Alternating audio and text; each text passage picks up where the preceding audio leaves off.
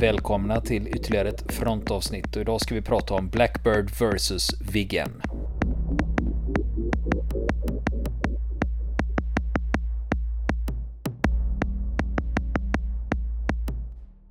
Ja du Niklas, du vet det snurrar ju runt en massa historier från kalla kriget om grejer som hände i Sverige.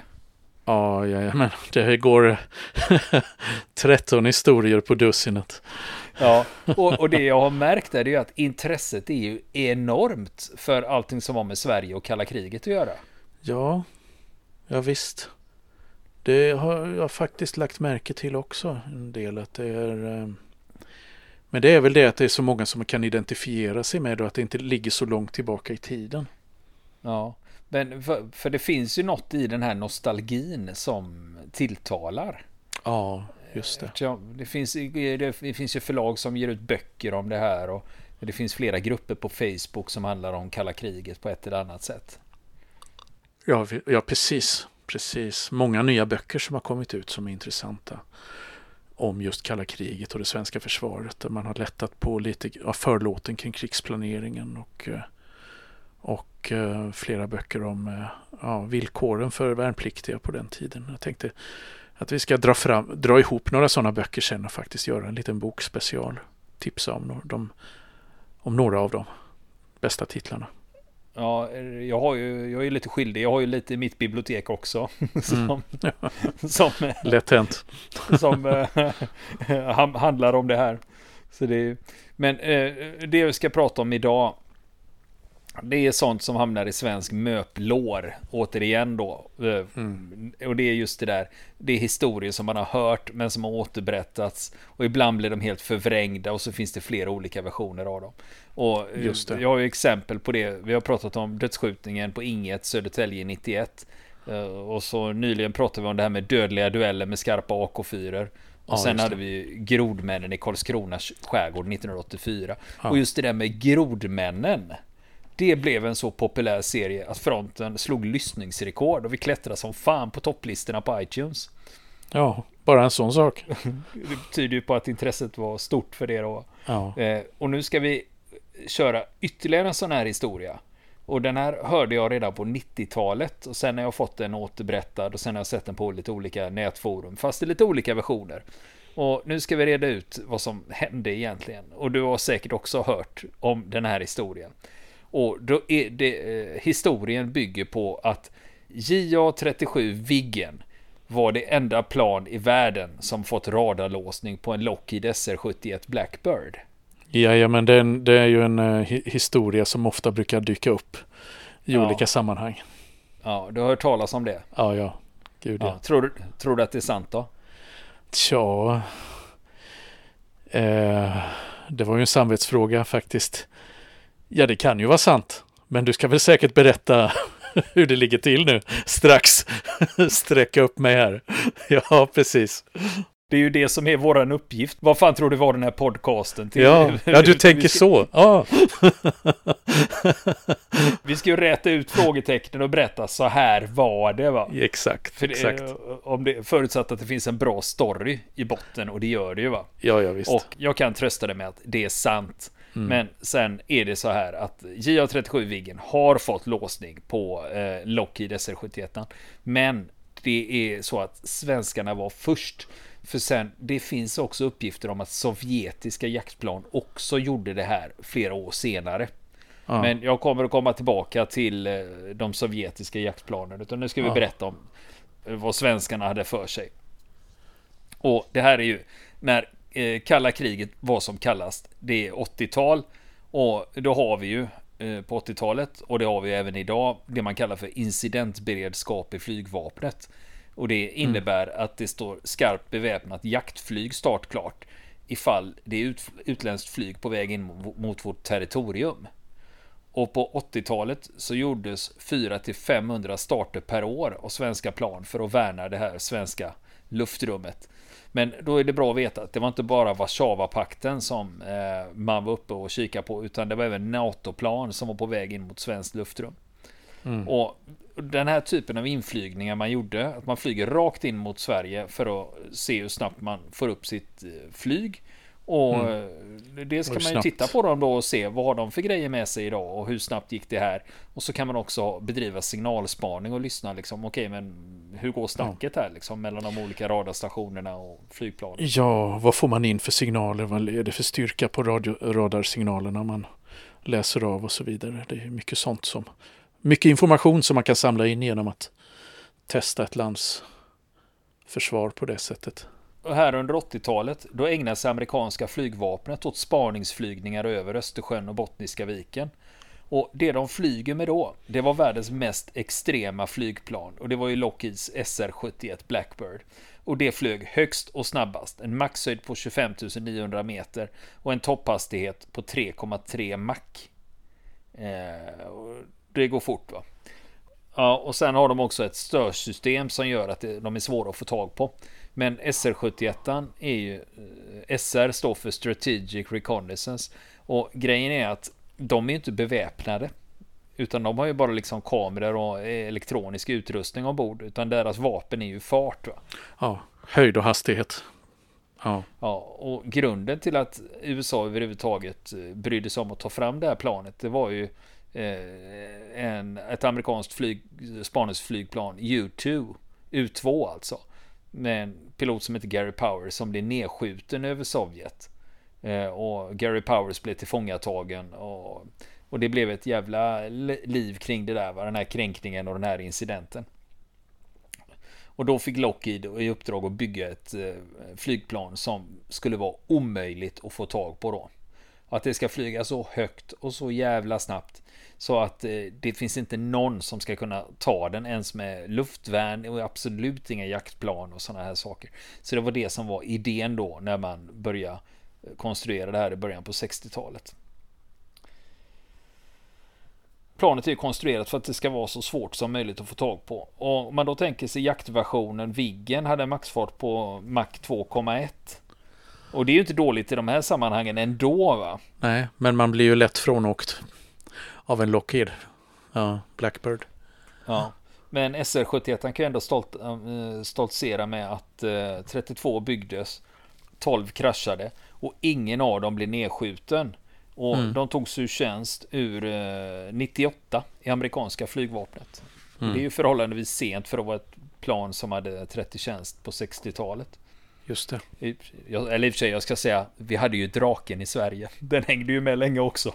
Ja, det gjorde den förvisso, men kanske inte riktigt samma glans och prestanda som en Blackbird. In, inte lika mytomspunnet, men draken Nej. är fortfarande mitt flyg, favoritflygplan. Så att... Ja. Eh, sen kan du komma dragande med MIG-21 och allting va? Jag ja, ja, säg nu, säg nu inget ofördelaktigt om MIG-21 här. Det är ju, ja. det är ju fortfarande liksom objektivt sett världens vackraste plan. Det vet ju alla nu. Helt objektivt, ja. Precis. Ja. ja. Men även om amerikanska flygvapnet pensionerar sina sista SR-71 i 98 så flög NASA med två mm. stycken som de hade ända fram till 99. Då pensionerade man dem också. Och sen vill man åka och titta på hur en SR-71 ser ut. Då får mm. man åka till USA. Eller ja, alla utom ett och det står på American Air Museum på Imperial War Museum Duxford i Cambridgeshire i England. Så när coronan har lättat så är det lite mm. lättare för oss svenskar att åka, åka till England om vi vill titta på en riktig SR-71 då. Ja, just det. Men nu var det ju så att det fanns ju snabba plan eh, även inom Warszawapakten. Till exempel hade man sovjetiska MiG-25 Foxbat mm. eh, som hade slagit ett rekord på 3,2 Mach. Och det är ju inte illa för ett plan som kom i tjänst i mitten på 60-talet. För så gammalt är det då. Mm. Men, men då ska vi säga så här, 3,2 det är utan beväpning och under så extrema påfrestningar att det är liksom ingenting man gör till vardags. Va? Eh, utan det är vid experimenttillfällen man har lyckats med det här då. Men det är ju ganska imponerande ja. ändå. Ja, för, var, var, det specialpreppat då, det plan, just den versionen som de slog det? Ja, det är just det. Du kan inte, du, dels är det utan beväpning. Och mm. vad fan ska du ha det till då liksom? Ja. Eh, och sen är det under en kort period du kan göra det också. Så du kan ja. liksom inte ligga och blåsa. Nej, för frik friktionen blev ju så fruktansvärd. Eh, eh att, eh, ja, plåten på en Blackbird, skrovet blev ju glödhett.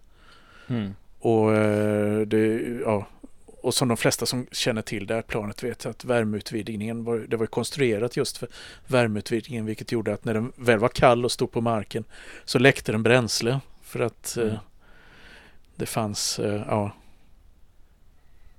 genom gliporna som uppstod. Den ja, var kall. S ja. Mm. ja, SR71 är ju lite superstar inom flyget. Ja, kan vi säga.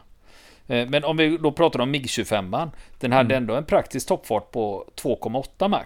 Eh, mm. När den är beväpnad och det räcker ju ganska långt. Det, det är, är rätt brutalt det också. Det är inte långsamt. Nej. Mm. Men om vi nu pratar om vad vi svenskar hade då. Vi hade ju Viggen då va. Eh, och maxhöjden för Viggen den var 16 000 meter om inte flygföraren hade en höghöjdsdräkt. Då var det 18 000 meter om man ska titta i broschyren. Men det finns exempel på att man har kommit upp mot 20 000 meter. Och eh, just det, inom svenska flygvapnet så sa man inte piloter på den tiden, man sa flygförare. Eller officer i flygtjänst. Men, eh, och det trodde jag fortfarande att man höll på med det. Men det gör man alltså inte, utan går du in på Försvarsmaktens hemsida och kollar på utbildningar, då kallar de det för stridspilot. Och även helikopterpilot och transportpilot. Så att eh, det här med att säga ja det heter inte pilot, det heter flygförare i flygvapnet. Liksom, det har man släppt nu då. Utan nu, är man, nu får man lov att vara stridspilot då. Det ser bra ut på visitkortet också. Men nu ska vi tillbaks till SR-71 80-talet här då. För regelbundet så flög man spaningsuppdrag över Östersjön och Bottniska viken. Och det här kallades Östersjöexpressen, Baltic Express på engelska. Och det körde man eh, en, ungefär en gång i veckan. Och i Sverige så kallar man de här spaningsrundorna för spårvagnen, för det fanns en regelbundenhet i dem. Och, och de passerar nära det svenska luftrummet. För de startar från RAF Mildenhall, det ligger i Suffolk, det är 10 mil norr om London. Det var där SR-71 var baserade i England. Och då flyger de österut och de passerar Västtyskland eller Danmark. Och de flyger över Bornholm och sen upp en vända norrut utanför Gotland. Och sen vänder man söder om Åland och sen flyger man tillbaka mellan Öland och Gotland. Och sen flyger man ur Östersjön samma väg då. Och standardhastigheten för den här flygturen är med Mach 3 och en flyghöjd på 21 500 meter. Men då tänker ni så här, vän av ordning frågar sig, vänta lite nu, flög de mellan Öland och Gotland? Är inte det svenskt luftrum? Nej, det är det inte, för territorialgränsen sträcker sig 12 sjömil ut från land. Och det innebär att det finns en liten glipa mellan Öland och Gotland som räknas som internationellt vatten. Så när du, fly, du kan flyga mellan Öland och Gotland utan att kränka svenskt luftrum då. Ja, men då, men, då, men då är det viktigt att hålla isär där. Hur, hur räknar man gränser mellan länder och sådana här saker? För det finns nämligen något annat som man pratar om. Eh, och det är det här med ekonomiska zoner. Och det är sånt som styr fiskerättigheter och utvinning av olja och gas. Och de sträcker sig längre ut än territorialgränsen. Det är ju därför Norge kan borra efter olja långt åt helvete ute i Nordsjön till exempel. För det ligger inom deras ekonomiska zon. Så att eh, ja, det, det finns folk som jobbar heltid med sådana här frågor. Det gör inte jag. Nej. Det eh. kan bli komplicerade konflikter. Som mellan Grekland och Turkiet. Just nu ja. Ja, precis. Ja, jo det är hela, det är hela så fort det finns en sannolikhet för fyndigheter. Då börjar man plocka fram kartorna och linjalerna. Och militärfartygen. Ja, men de här regelbundna flygningarna som SR-71 håller på med, det är också ett unikt tillfälle för svenska flygvapnet att testa sina grejer. Och då är det inte bara flygplan utan även markradar och stridsledningssystem. Och eh, man hade faktiskt tidigare gjort försök att möta upp SR-71 med J35F, alltså Filip-versionen då. Men prestandan på J35 och raden ombord på flygplanet, det var inte tillräckligt bra. Så det, var, det, det, gick, det gick inte att få det här att funka. Va? Man blev... Man hade ingen chans ändå. Va? Men nu är, är det några saker som eh, faller på plats här. Man vet ju nu att J35 då, draken, även om det är världens vackraste flygplan, så eh, kunde man ju inte nå SR-71 då. Va? Utan Eh, men man hade ju Viggen då. Och sen 71 så hade AJ37 funnits ute på flottiljerna. Och, men de har ju som primär uppgift attack och sekundär jakt. Det är därför den heter AJ37. A står för attack och J står för jakt. Men 25 juni 1980 då kommer versionen JA37, alltså Jaktviggen. Och den kommer till F13 Bråvalla utanför Norrköping.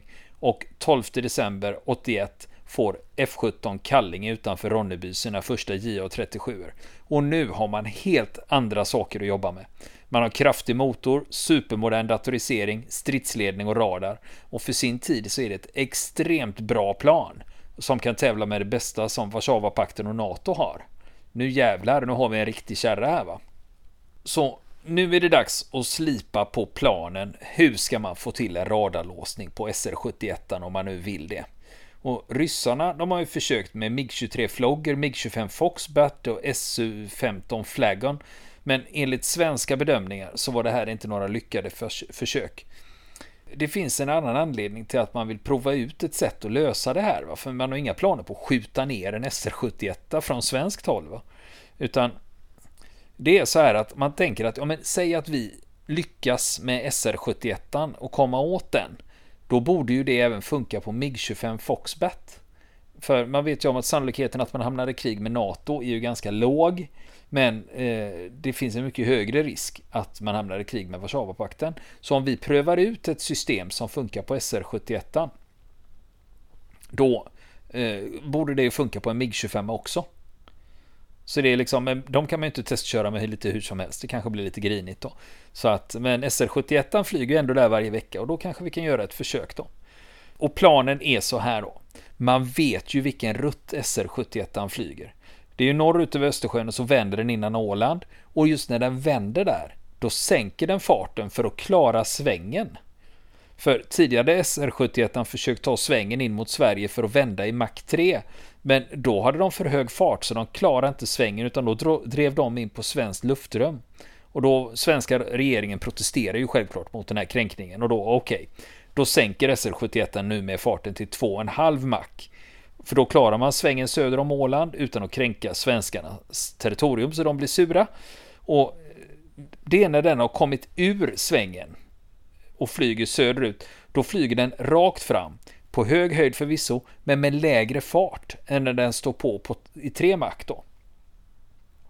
Och då tänker man att precis i det läget, då borde det vara läge att kunna nypa den då. Och planen är att en Jaktviggen flyger på kontrakurs i 1,35 Mach på 8000 meters höjd. Sen axar den och stiger 3-5 grader hela tiden. Men det här sker ju på långa avstånd, så det här är ingenting som en Viggen ensam klarar av att lösa, utan då behöver man stöd från radarstationerna på marken för att veta exakt var SR-71 befinner sig. Och Viggen kommer ju inte att komma upp på 21 500 meter, utan eh, ska man försöka få iväg en robot, då, då får man avfyra den 2-3 tusen meter under den höjden, fast i riktning uppåt då mot SR-71. Och det här med stigningen 3 till 5 grader, det innebär också att den flyger uppåt i, eh, att Viggen flyger uppåt i en båge. Och den går ju hela tiden mer och mer uppåt och det är för att kunna behålla SR-71 i sikte då. Eller ja, sikte och sikte, det är ju med de här farterna och det här avstånden så är det ju mera radarstrid än en dogfight liksom. Då är planen också att när de här planen passerar varandra, då är den relativa hastigheten ungefär Mach 4,5 då. 2,5 för SR71 och 2 för Viggen. Så det går ju undan va. Och det här, eh, den här idén, det är alltså inte något som någon enskild svensk pilot har fått för sig att göra. En Maverick, och fan en Blackbird, jag sätter efter den. Utan det här är, den här planen utvecklas systematiskt med flera personer inblandade i, i ett team då. Eh, från olika håll i flygvapnet och man provar ut det här på en simulator på F13 Bråvalla för att liksom försöka testa det här för att se är detta görbart. Och ett problem man har att jobba med för att kunna genomföra det här det är att SR71 har ju störsystem för att kunna förhindra att andra flygplan låser på den. Och idén som svenskarna har det är att den nya tekniken de har med Jaktviggen det är att den är uppkopplad mot stridsledningssystemets radarstationer och då borde det ge mig tillräckligt med info för att kunna genomföra det. Så det är inte bara Viggens radar, som förresten är ny då, som eh, används här, utan man använder även de som finns på marken så att man har stöd från flera håll. Och eh, jag kommer att läsa upp vad Viggenpiloterna berättar om de här uppdragen. Och när jag berättar om det här så kommer det att förekomma en del begrepp och förkortningar. Så jag tänkte jag drar dem nu.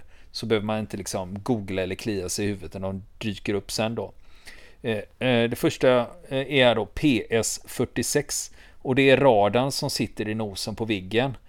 Och vill ni se hur den ser ut så kan ni åka till Roseum utanför Göteborg eller Flygvapenmuseum i Linköping. Sen har vi något som heter SI. Det är en siktlinjeindikator. Det är alltså en heads-up display den är en del av presentationssystemet i ett flygplan och det hjälper piloten att sikta på olika mål. Men inte bara sikta på andra mål utan det ger även information om navigering, flygläge, målpekning och landning utan att man behöver titta ner. Så det sitter ju på, den här informationen på SI sitter alltså rakt på, framför piloten. Så man tittar ju igenom det här då.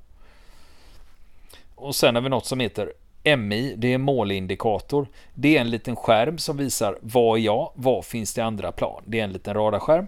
Och sen har vi något som heter TI, det är taktisk indikator.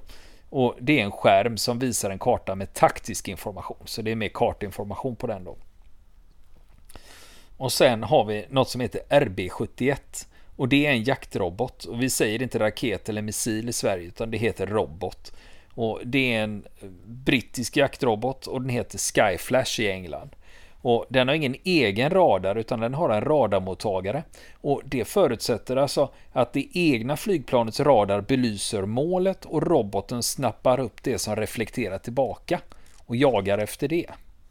Och sen har vi RGC, det är radargruppcentral. Det förkortar man även RRGC ibland. Och det är radargruppcentral, det är bergrum där man sammanställer information från flera radaranläggningar. Och så kommunicerar man informationen till luftförsvarscentralerna som i sin tur vidarebefordrar de här elektroniskt till flygplanen. Eh, och vi kommer bland annat här att nämna något som heter RGC Vesslan.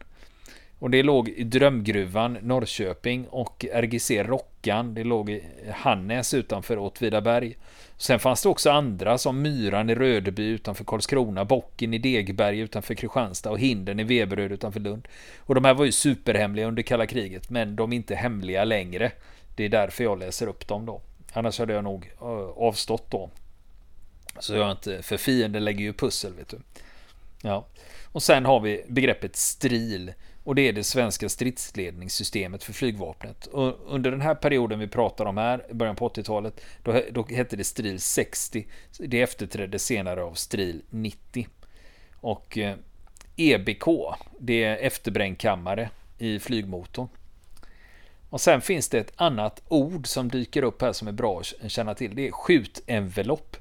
Och eh, det handlar om var du som stridspilot befinner dig i förhållande till målet. Och skjutenveloppen det är ett område som utgår från målet. Och det varierar också beroende på vilket vapen som används. Är du i målets skjutenvelopp, då kan du träffa. Ligger du utanför enveloppen så är det låg sannolikhet. Och ett, som man ska prata svenska i det här. Så att jag skulle kalla det för att man ligger i läge för skott eller avfyrning. Att när jag ligger i läge, ja nu har jag istället för att säga att ja, jag ligger i skjutenvelopp så säger man ja, jag ligger i läge för att skjuta. På ren svenska då. Och nästa vecka fortsätter vi prata om Viggen vs Blackbird.